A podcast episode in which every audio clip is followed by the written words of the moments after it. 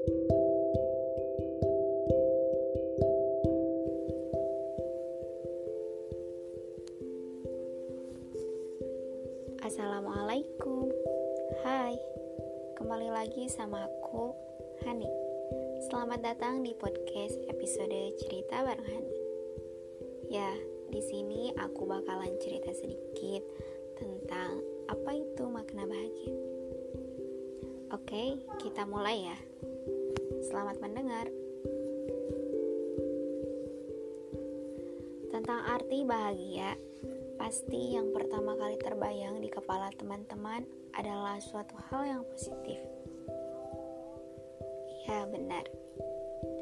Bahagia selalu diibaratkan dengan sesuatu yang membuat setiap orang akan tersenyum, yang membuat setiap waktunya terasa berjalan seperti sangat cepat. Tapi sebenarnya, kapan saja kita merasa bahagia? Apakah kita setiap harinya selalu merasa bahagia? Aku pikir bahagia bisa terjadi jika tujuan hidup kita benar-benar bisa tercapai. Ya, seperti saat kita membuat tulis hingga akhirnya kita bisa menyelesaikan semua target itu. And it so make me happy, right?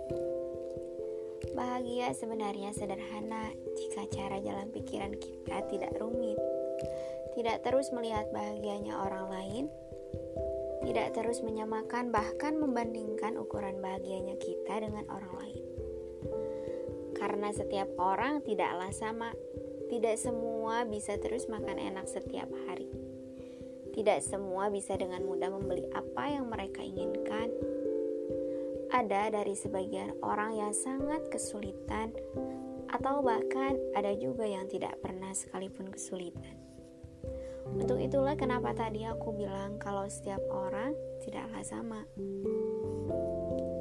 Dari hal itu, kita harusnya sudah mengerti bahwa tidak baik membandingkan ukuran bahagianya masing-masing orang. Tidak baik bagi jiwa tentunya.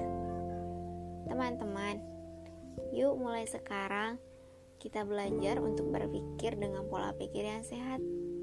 Pola pikir yang selalu dibumbui dengan hal-hal yang positif. Udah ditinggal aja pola pikir yang gak sehatnya ya. Setiap hal apa pun yang membuat orang lain bahagia belum tentu juga bisa membuat diri kita bahagia, bukan? Setiap orang memiliki ruangnya tersendiri. Ingat, ruang bahagianya masing-masing ya. Dan aku pikir bahagianya kita bisa dibuat oleh diri kita sendiri. Kenapa aku bisa bilang gitu? Ya karena menurutku kalau tiap harinya kita selalu mikirin hal-hal yang sedih tentunya cuman kesedihan yang bakal didapat. Beda lagi kalau kita berusaha buat ngelakuin hal-hal yang bahagia. Ya tentunya juga yang didapat nggak akan jauh dari apa yang dilakuin. Jadi, bahagia yang seperti apa yang akan kamu buat?